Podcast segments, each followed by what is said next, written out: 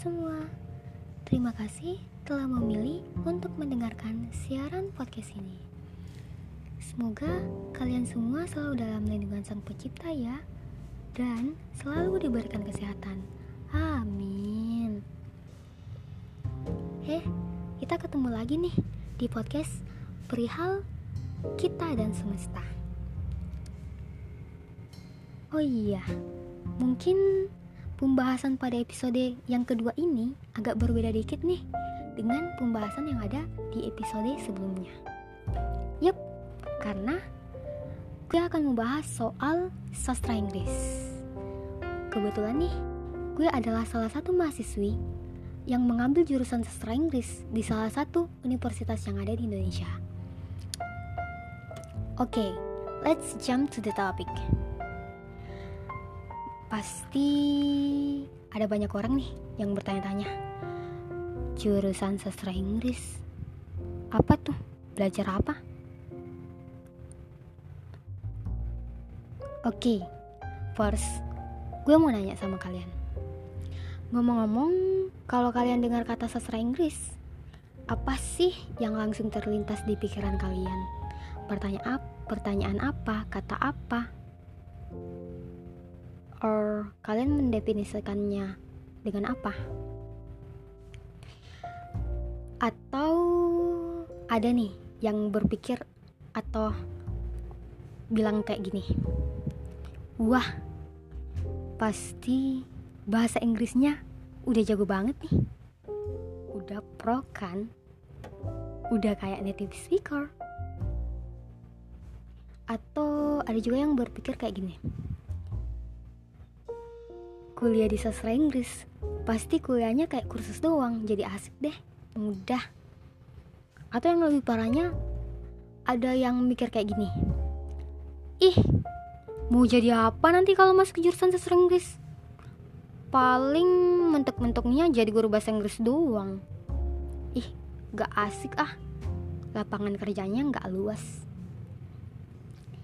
Atau kalian pernah dengar dari salah satu teman kalian yang bilang kayak gini. Asik nih punya temen di jurusan sastra gue jadi punya temen yang bisa translatein or kerjain tugas gue nih. Asik banget. Gak perlu susah lagi. It's it's it's. Gak gitu. Oke okay, gue jelasin ya Sebenarnya, sastra Inggris merupakan bidang ilmu yang mempelajari bahasa Inggris dari sisi linguistik dan sastra secara mendalam. Nah, linguistiknya apa nih? Linguistiknya sendiri mempelajari tentang fonologi atau tentang bunyi, morfologi, bentuk kata, sinteks, bentuk frasa dan klausa, semantik, makna, dan bahkan tentang pragmatik atau ujaran dalam bahasa. Nah, sedangkan sastranya ini mencakup semua macam karya dan teks dari seluruh dunia yang ditulis dalam bahasa Inggris. Bahkan kita juga bisa loh belajar tentang budaya mereka dan sejarah-sejarah mereka. Inilah sebabnya jurusan sastra Inggris itu bukanlah hanya seperti kursus biasa doang, bukan. Salah banget kalau kalian bilang kayak gitu. Hmm, eh eh Lis, jadi gue nggak bisa dong masuk di jurusan sastra Inggris. Soalnya sastra soalnya bahasa Inggris gue jelek banget. Aku nggak tahu, nggak ngerti banget malahan kalau masuk nilai gue bakalan anjlok kali ya Eits, belum dicoba, kalian udah nyerah. Ah, gak asik nih. Sebenarnya, masuk jurusan asing itu gak harus jago banget bahasa Inggris loh. Why? Ya, karena di awal semester, semester 1 or 2 gitu, kita diajarin semua basicnya. Dia ajarin dari dasarnya dulu. Jadi nggak perlu takut sih. Yang terpenting ada kemauan belajar dan meningkatkan skill kita. Pasti bisa deh dijamin. Lambat laun akan bisa dan mengikuti. Gitu loh. Di semester awal-awal juga dosen-dosen tuh masih menggunakan bahasa Indonesia. Maybe ya biar mahasiswa atau mahasiswinya nggak kaget bercanda. Oh iya, siapa bilang masuk sastra Inggris itu kita bakal belajar soal bahasa Inggris doang? Enggak, enggak juga sih. Kalau di universitasku nih, kita juga belajar soal agama, bisnis, politik, dan lainnya. Walaupun sih nggak banyak belajarnya, tapi ya lumayan lah ada pengetahuan dan basic.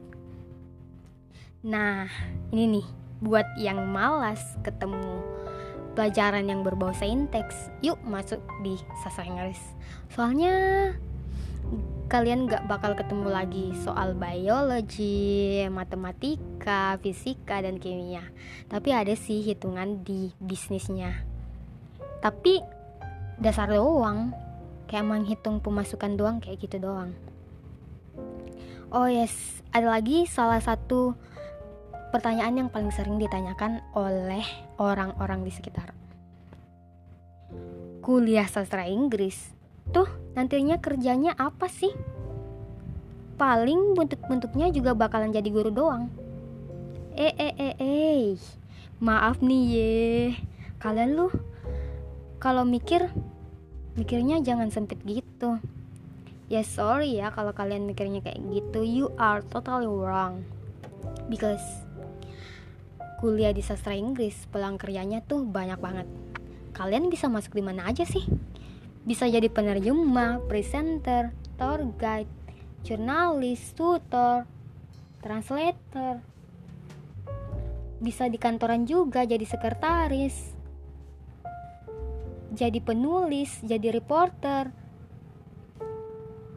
Jadi event organizer jadi content creator, jadi content writer.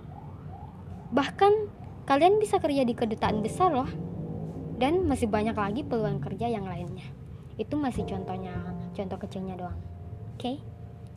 Jadi kuliah sastra Inggris itu bukan berarti nanti jadi guru bahasa Inggris doang. Enggak. Iya sih kita bisa buka tempat kursus tapi kita bisa kerja di lain tempat juga. Soalnya peluang kerjanya juga besar banget. Jadi gitu teman-teman. Aku pikir itu aja sih yang aku yang bisa aku sampaikan kepada kalian. Terima kasih sudah mendengarkan podcastku. Di episode yang kedua ini di podcast perihal kita dan semesta. Sampai ketemu di episode selanjutnya. Bye bye.